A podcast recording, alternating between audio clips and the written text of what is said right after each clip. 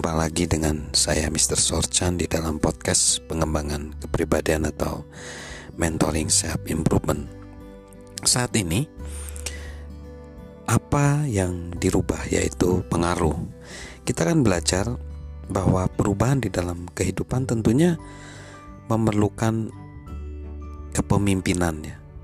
Ada seorang pemimpin atau leader atau pemain utama di dalam agent perubahan dan kalau bicara tentang pimpinan, kita berbicara tentang wewenang.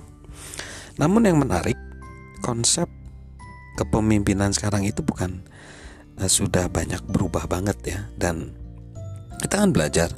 Sebenarnya kalau orang mau mimpin, dia dapat wewenang itu apa sih wewenang kekuasaan gitu. Ternyata uh, wewenang itu ada beberapa hal ya. Ada wewenang alami di mana orang mimpin beberapa orang secara alami daripada orang lain karena uh, dia peran ya punya peran. Lalu ada wewenang jabatan.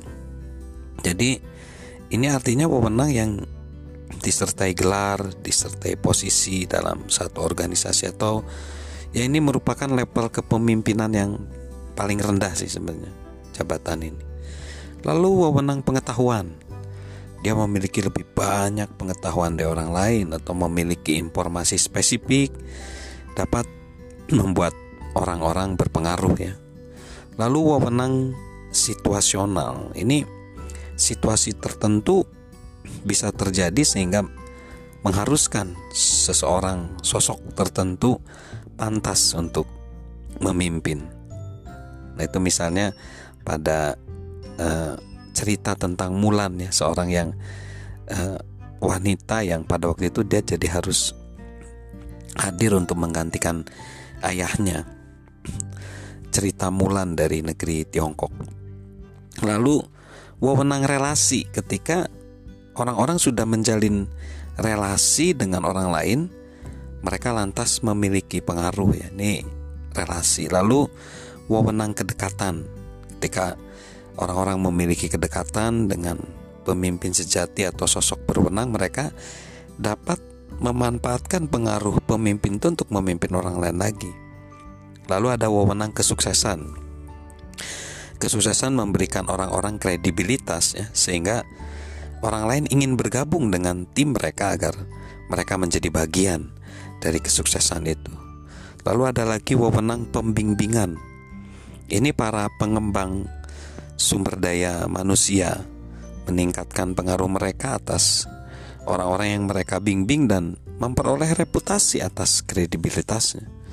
Ada juga wewenang senioritas. Nah, dalam beberapa budaya seperti budaya timur menjadi tua-tua, menjadi sesepuh itu akan memi, uh, itu akan memberikan wewenang di situ.